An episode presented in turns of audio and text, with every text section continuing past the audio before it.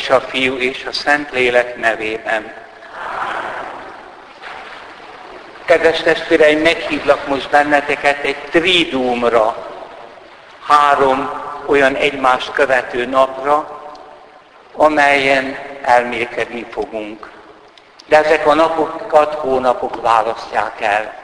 Számunkra október nem csak a szizonyának a különös hónapja, hanem Szent Ferenc atyánk hónapja is.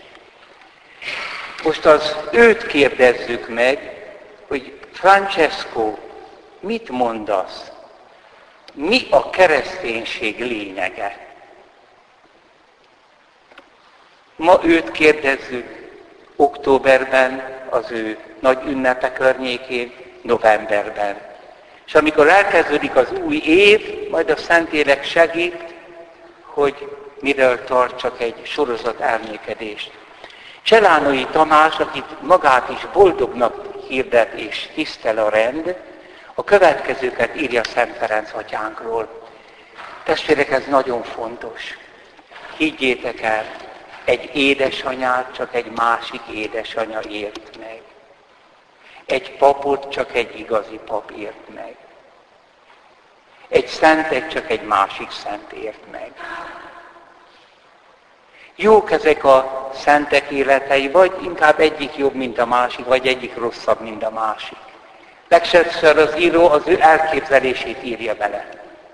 De akinek szintén köze van az élet szentséghez, az Istenhez olyan szoros kapcsolatban van, mint a vértanúk, csak rejtettem, az megérti a szentet. Nekünk ilyen szerencsénk van, Szent Ferenc írata az írójával.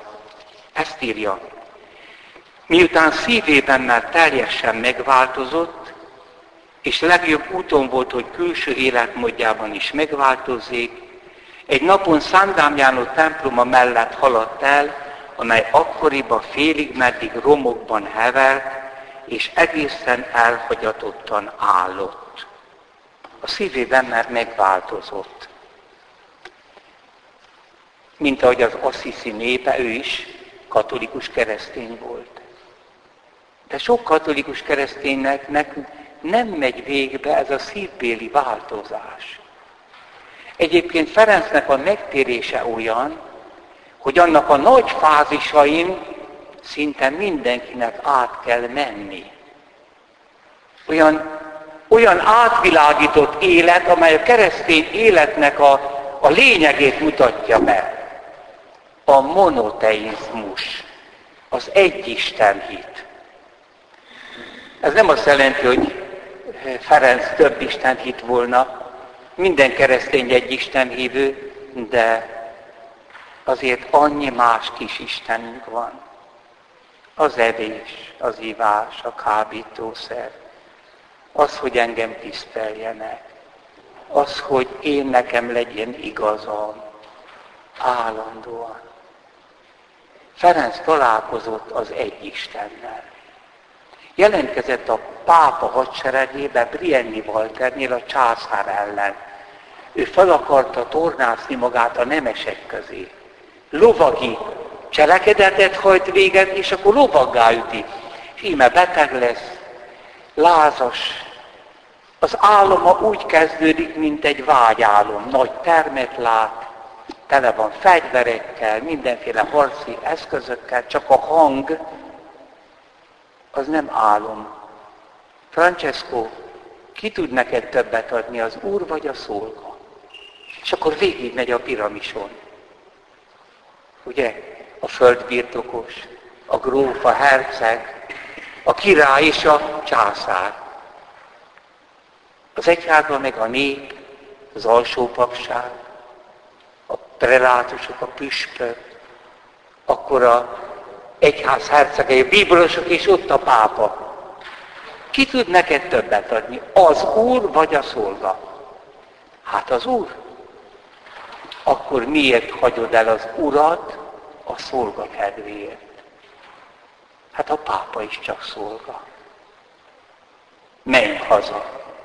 Ott majd megmondatik neked. Középkori ember tudja, hogy azt jelenti, hogy majd Isten megmondja, hogy mit évő legyél. És ő, aki azzal búcsúzott a társaitól, hogy meglátjátok, hogy nagy, híres ember lesz belőlem, lovag leszek, az egész világ utánam jön, nem szégyel hazamenni, mert rájött, hogy a legnagyobb úr az az Isten. Így lesz ő monoteista, mint egy Ábrahám, Ószövetség. De valami radikális elszántsággal. Ez az, hogy szívében már megváltozott. Külsejében még nem. Belül. És akkor ott elhalad Szent Dámiánó temploma mellett, akkor félig meddig romokba hevel, és az egészen elhagyatottan állott. Hát, kedves testvérek, akkoriban elhagyatottan állott az egyház, romokban, mindig romokban hever. Egy egyház történész azt mondta egy fiatal csoportnak a zsinat után, akik mindig előjöttek, hogy hogy kellene megreformálni az egyházat, és mi benne a rossz, és mit kellene csinálni. És akkor észrevették, hogy egy nagy beszélgetés után meghívtak egy nagy híres professzor, történész, Daniel Robbs. Ön mit mond? Mióta van romokban az egyház? Pünkösd másnapja óta. Persze kérdés az, hogy romokban van-e, vagy épül. Budapest romokban van? Hát mi úgy látszik? Épül. Egy híres katolikus költőt, a Isten nyugosztal megkérdeztem, mondjuk, János, hogy van a családod? Romokban. Hogy van Európa? Hogy van az egyház? Most akkor neki menjek én is? Nincs más. Romokban hevert. És hogy itt nem valami szellemi elmékedést mondok, pontosan az Úr Jézus szava ilyen kétértelmű. Építs fel ezt a templomot kövekből, javíts ki az én egyházamat, és kiderül, hogy majd az egész egyháza láthatatlan egyházról szó. A lélek ösztönzésére betért a templomba, hogy ott imádkozzék. Testvérek, nem misztifikáljuk el a dolgokat. Tudjátok, mi lehet ez a mi lélek ösztönzése? Nagyon visszhangos. Zoli. Tudjátok, mi lehet ez, a, ez a, az, hogy na, bemegyek a Simegi templomba. Ah, mégsem megyek, nem majd vásárlásra. Ah, bemegyek, nem. És bemegy. Ennyi. A Szentlélek össze van keveredve velünk, a legjobb vágyainkkal, és nem úgy sugal, hogy kényszerít, indítja. És hogy bement, egy új világ kezdődött. Alázatos szívvel és buzgó könyörgéssel borult a feszület elé, ez az a szandámjánai feszület, a világ legtöbb reprodukcióját megért szent kép. Kár, hogy most nem hoztam be. És ott imádkozott a feszület előtt, ahol nem őriztek oltári szentséget, ott egy hatalmas nagy feszületet kellett belógatni, mint a görögöknél, a szentély kezdeténél. Legtöbbször az volt egy gerenda, ott meg ott állt a Szűzanya, meg János, lenn meg az áldoztatórács. Mi ez, ha nem ikonosztázion? És akkor lebontottuk az utolsó maradványát, az áldoztatórácsot, és akarjuk a keleti egyházzal az egységet. Egyébként ez egy keleti típusú feszület. A hagyomány azt tartja, hogy a következőket imádkozta. Mert a testvérek sokszor kértek tőle imádságot, és leírta. Felséges és dicsőséges Isten, világosíts meg szívem sötétségét. Adj nekem igaz hitet, biztos reményt, tökéletes szeretetet, érzéket és értelmet, Uram, hogy megtegyem a Te szent és igaz parancsodat. Először is, ami meglep bennünket, hogy a legszemélyesebb imádsága nagyon hasonlít a misének a nagy könyörgéseire. Tehát ahogy anyánktól tanuljuk az anyanyelvet, jobban oda kellene figyelni az egyház imádságaira. Fönséges és dicsőséges Isten. Pedig Jézust látja. Jézus számára nincs ilyen, hogy Jézuska. Nem bizalmaskodik. Isten fönséges. Túlhaladja minden elképzelésünket. Ha tetszik, minden gondolat és minden teológia mögött is ott van még messze. Altissimus onnipotente bon signore, mondja a nap himnuszban. Fölséges Isten. És mit kér? Világosíts meg szívem sötétségét. Érdekes. Nem azt mondja, hogy világosíts meg az elmémet. Mit mondunk húsvét éjszak, amikor meggyújtjuk az éjszakába a húsvéti gyertyát? A föltámad Krisztus világossága oszlassa szét szívünk és elménk homályát. Mi az a szív a Bibliába? Mindig be lehet helyettesíteni. Az, az én. Hol van benned az én? De nem mond, hogy nincs. A személy, az a valaki, az értelem és az akarat csak a képessége. Mert azt mondom, hogy ezt én gondoltam, ezt én akarom. Tehát a mai embernél is, bennünk is nem az értelemmel van a hiba, hanem az énnel. Azt kéri Ferenc, hogy azt a sötétséget oszlasd be el, ami az én énem és a te közé áll. Kedves testvéreim, ennek szemtanúi vagyunk politikailag nagyon sokszor. Valami sötétség elkápráztatja az ember szívét, rossz indulatú lesz, és utána gyártja hozzá az érveket.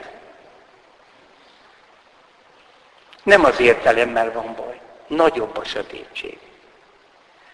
Ez a Szent Ágostoni méret. Ő mondja azt, és ezzel indul igazában a egyetemes katolikus egyház, magadnak teremtettél minket, Isten, és nyugtalan a mi szívünk, amíg meg nem nyugszik te benned, vagyis az énünk. És nem magadnak teremtettél a jó fordítás átté, hozzád fordulóvá. Olyan, mintha ő nézne engem, Isten, és én feléje nézek. Ez az ember. Ez a legmélyebb. Ennél mélyebb valóságunk nincsen. És ezt kéri. Adj nekem igaz hitet, biztos remény, tökéletes szeretetet. Persze latinul mondja.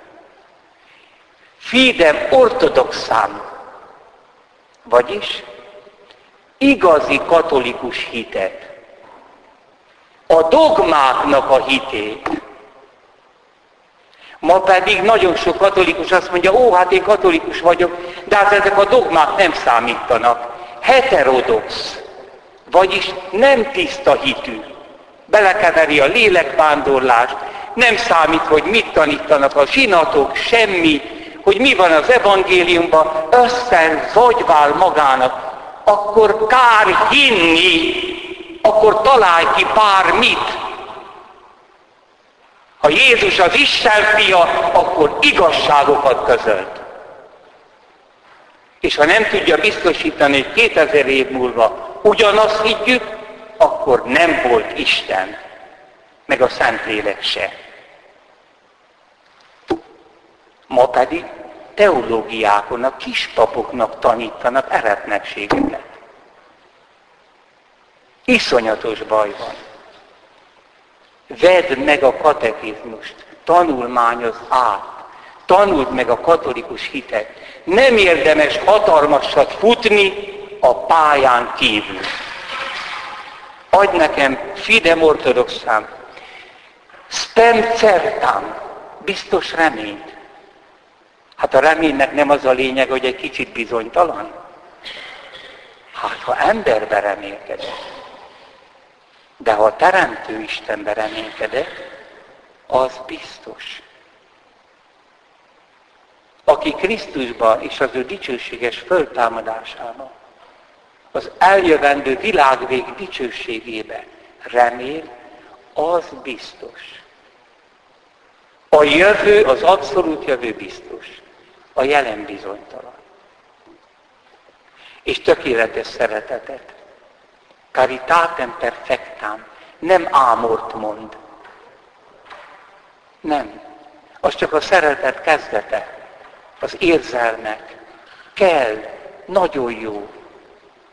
De hol van ott érzelem, amikor a jegyeségért följelenti magát, és őt végzi ki.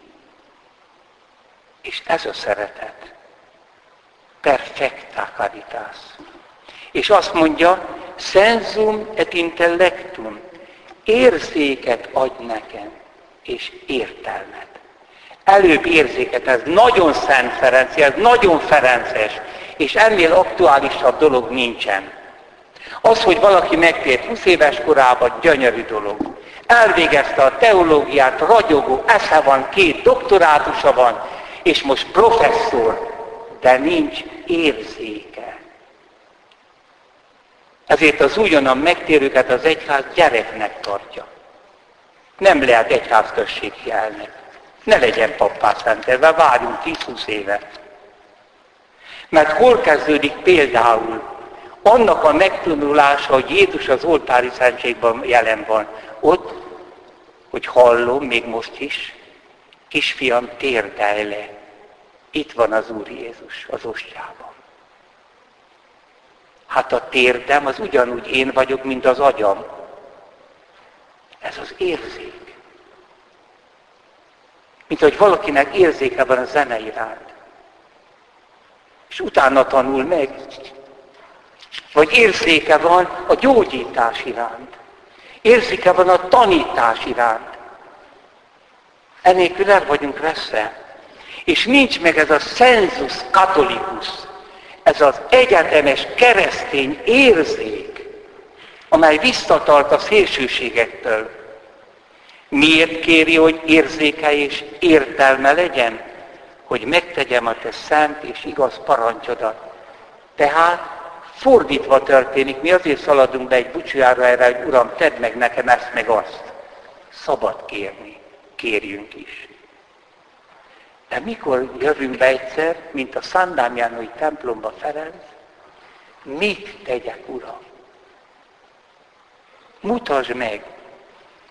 Ne az én hajlamom, hanem a te szent akaratod érvényesüljön. Így imádkozott alázatos szívvel és buzgó könyörgéssel borult a feszület elé, és valami szokatlan kegyelem érintésére egyszerre egészen más embernek érezte magát, mint belépésekor volt. Mi alatt így átalakult a keresztre feszített Krisztus kép, amire még példa nem volt, festett ajkával beszélni kezdett, és nevén szólítva magához intette. Megtöbbent ez, hogy egészen másnak érezte magát. Tehát ő neki kellett átalakulnia, nem a feszületnek kellett megelevenednie. Mert Krisztus most is itt van. Főleg a kép mutatja, hogy itt van. Hanem ő változott meg. Hányszor ő, írják le az evangelisták, hogy a föltámadt Jézus megjelenik Mária Magdolnának, ott van, és beöltözteti őt kertésznek. Mert annyira a meggyőződése, hogy a sírba kéne lennie. Hát akkor ellopták a holttestét, ha nincs ott. És hogy megváltozzon, beszél vele Jézus, akkor se változik. És ugyanaz történik, mint itt, nevén szólítja. Mírjám! És ez a nevén szólítás is nagyon mély dolog. Mert azt a nevet, amit kaptunk a kerességkor, azt a szüleink úgy ránk aggatták. Hát mi egy fiúnak ahhoz a szóhoz, hogy István, János? Vagy mi egy lánynak ahhoz, hogy Mária? Annyira nincs köze az, hogy nem is figyel. Aztán kezdi észreveszi, hogy ez neki szól.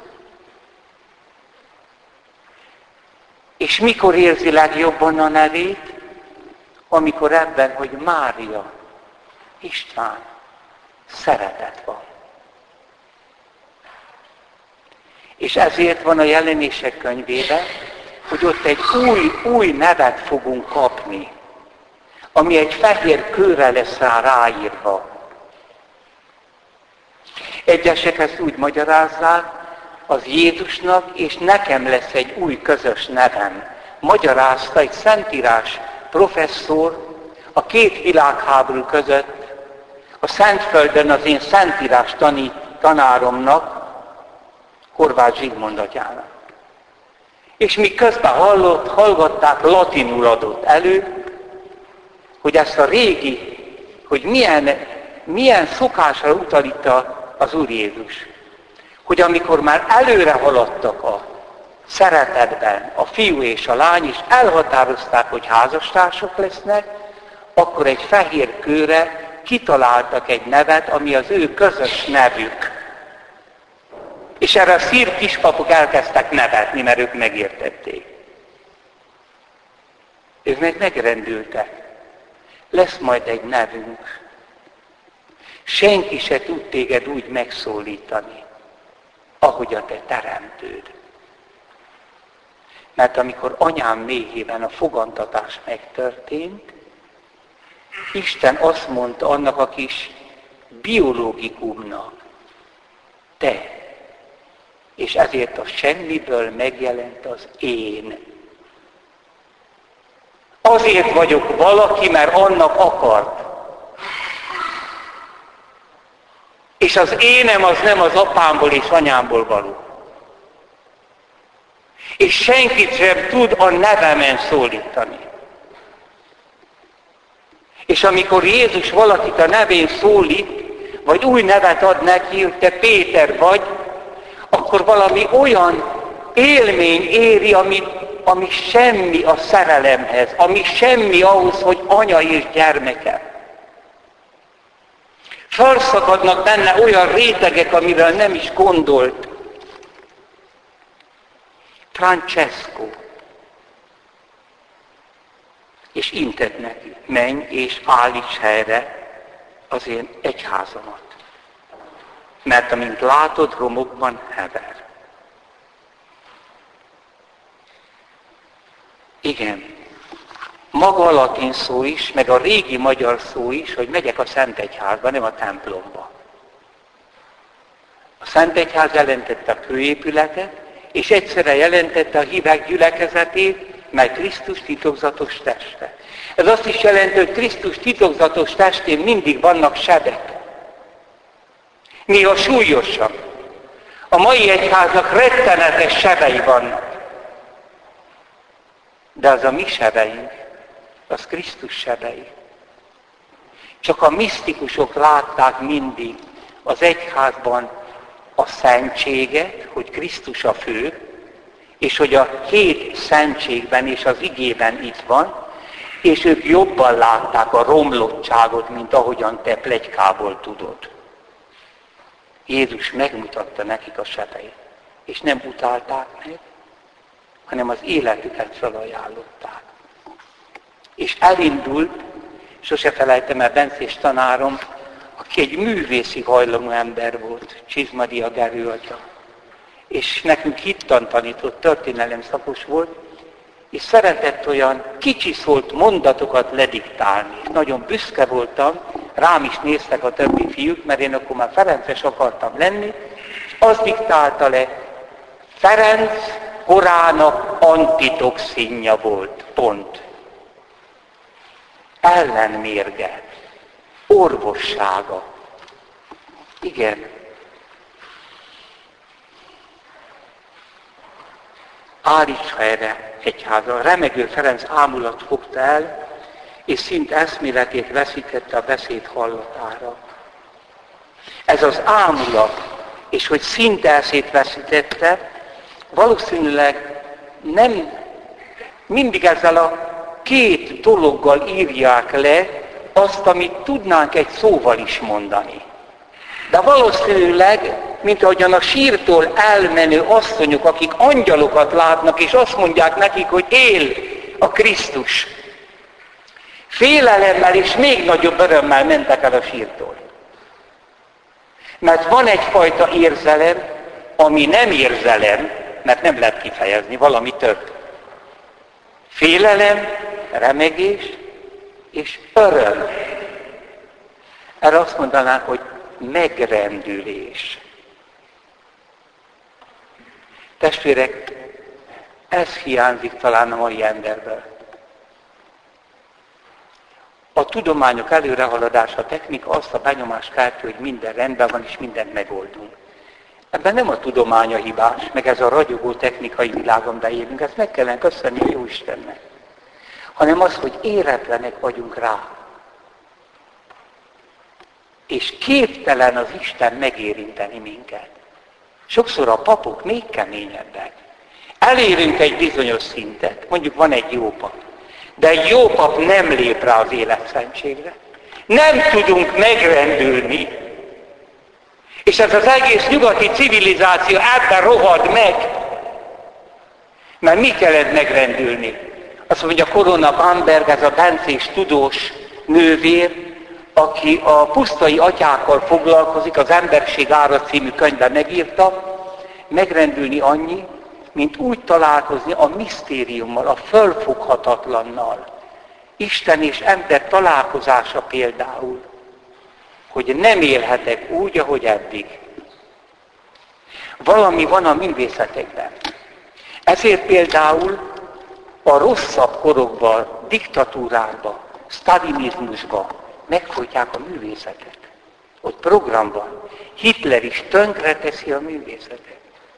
Miért? Mert azért egy nem hívő embert is éri valami, egy tragédiát látva a színpadon. Megérinti valami. Rilkének van egy megrendítő verse, egy Apolló torzót lát, egy görög szobrot. És csodálkozik, itt nem kell félteni, itt semmiféle szexualitás nincs szó, hogy milyen gyönyörű az emberi test.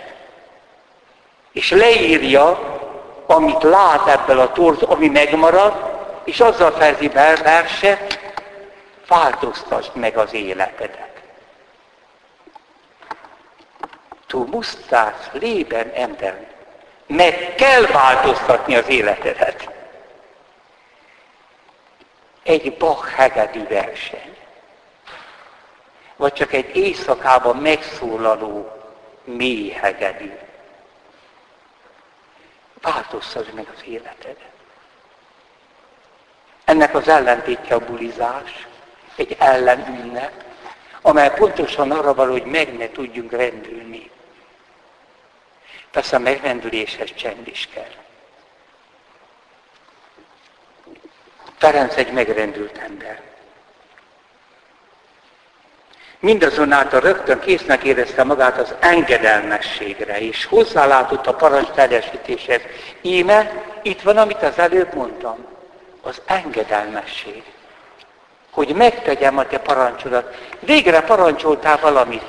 Köveket koldul, valamiképpen beavatták őt a köműves szakmába, amikor lerombolták a rokkamácsorét, a nemeseknek a várát, körülkerítették, azt hiszik, hogy na itt most egy konfraternitás lesz. Ennek a megszállottja Ferenc. Nem lesz aláfelé rendelés. Itt testvéri közösség lesz. Pár év múlva a pénz elrontott mindent.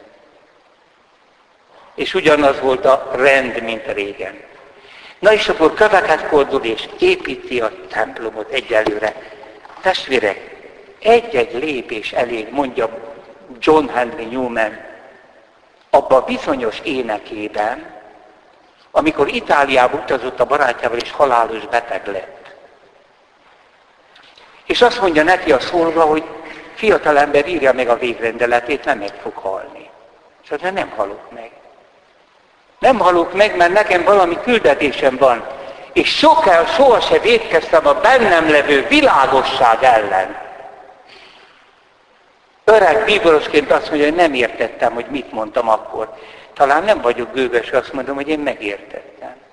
Nem azt jelenti, hogy ő nem követett el bűnt, hanem a lelki ismerete ellen nem vétett. Tehát amit ő felismert Isten akaratának, azt megteszi. Majd kiderül, hogy többet akar.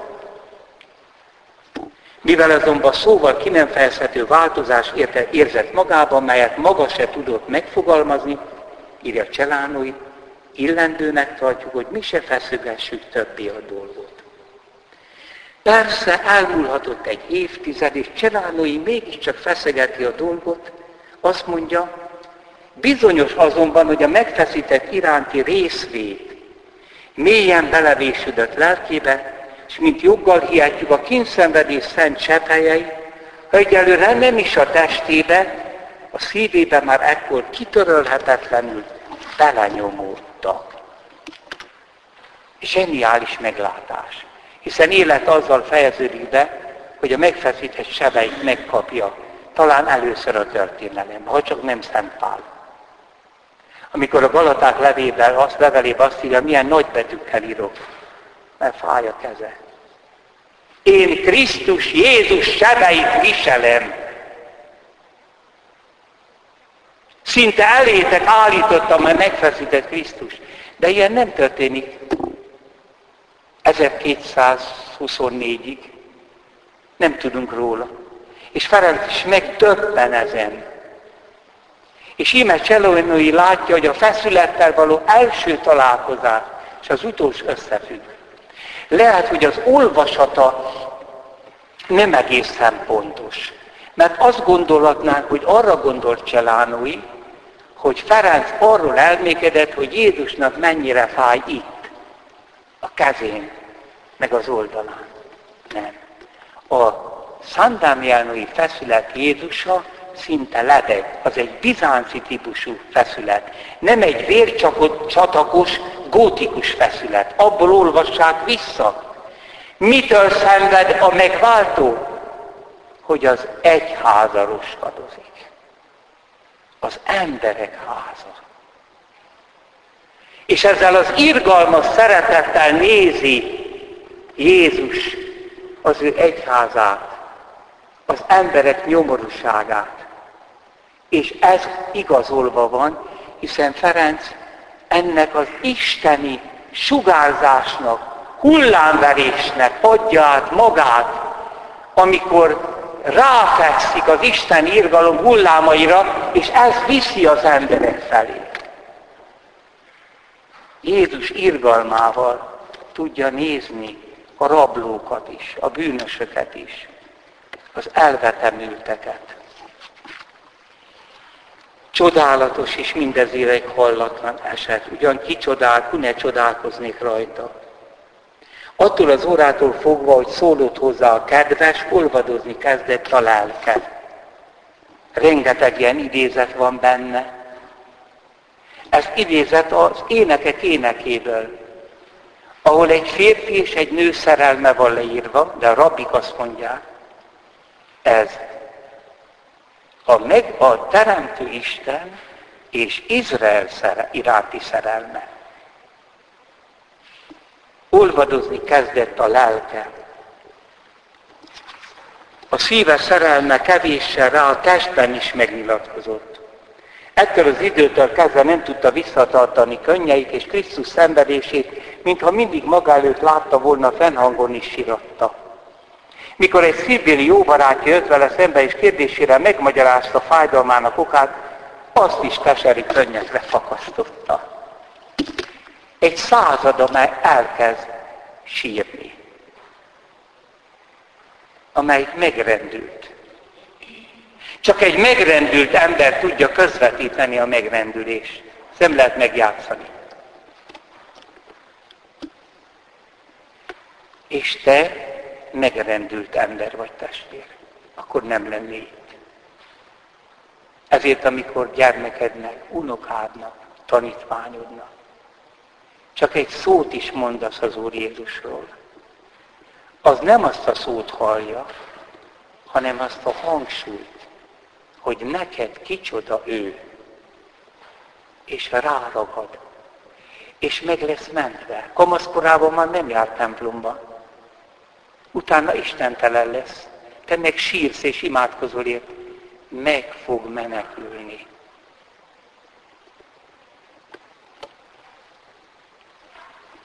Közben nem felejtette a szentképnek gondját viselni, sem pedig a parancsának teljesítését nem hanyagolt el. Egy papnak azzal adott pénzt, hogy rajta lámpást és olajat szerezzen, nehogy a kép csak egy persze is megfelelő világítás nélkül maradjon.